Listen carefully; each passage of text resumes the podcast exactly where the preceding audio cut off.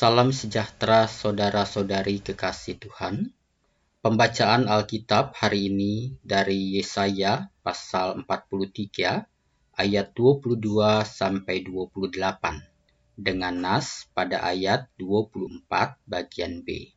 Tetapi engkau memberati aku dengan dosamu, engkau menyusahi aku dengan kesalahanmu. Saudara-saudari kekasih Tuhan, Kebanyakan orang berpikir bahwa semakin kita melakukan aktivitas keagamaan, kita semakin dekat dengan Allah.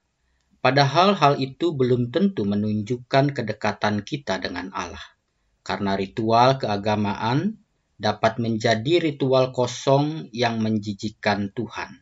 Seperti yang dikatakan Tuhan di awal kitab Nabi Yesaya, demikian.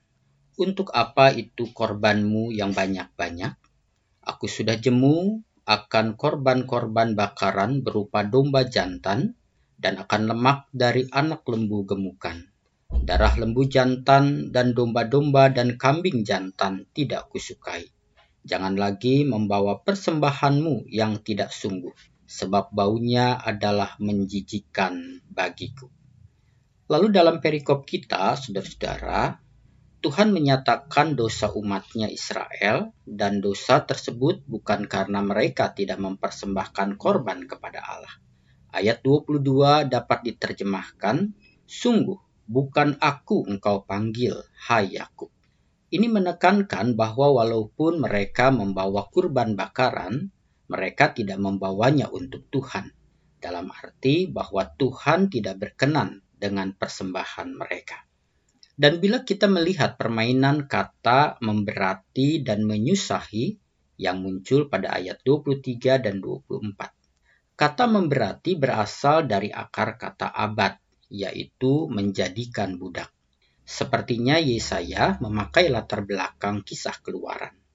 Orang Mesir memaksa Israel menjadi budak, tetapi Tuhan telah membebaskan mereka dari perbudakan Mesir. Allah kemudian memberikan mereka hukumnya, supaya dengan ketaatan mereka dapat menikmati kebebasan.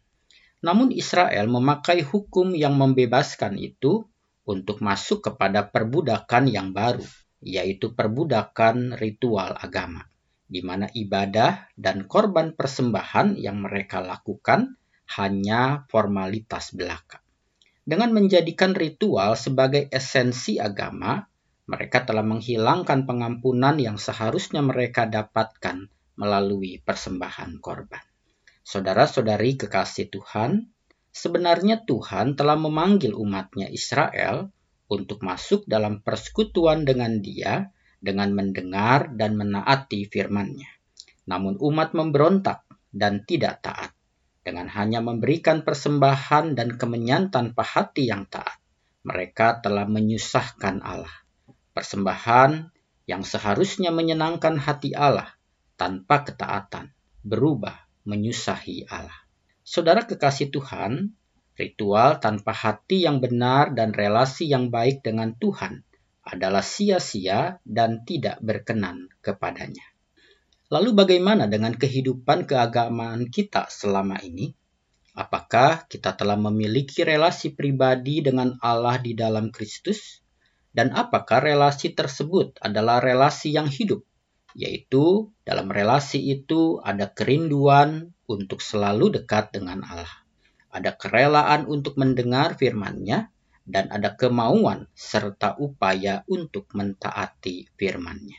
Kiranya Kristus Sang Firman hidup menerangi hidup kita dan Roh Kudus menolong kita melakukannya.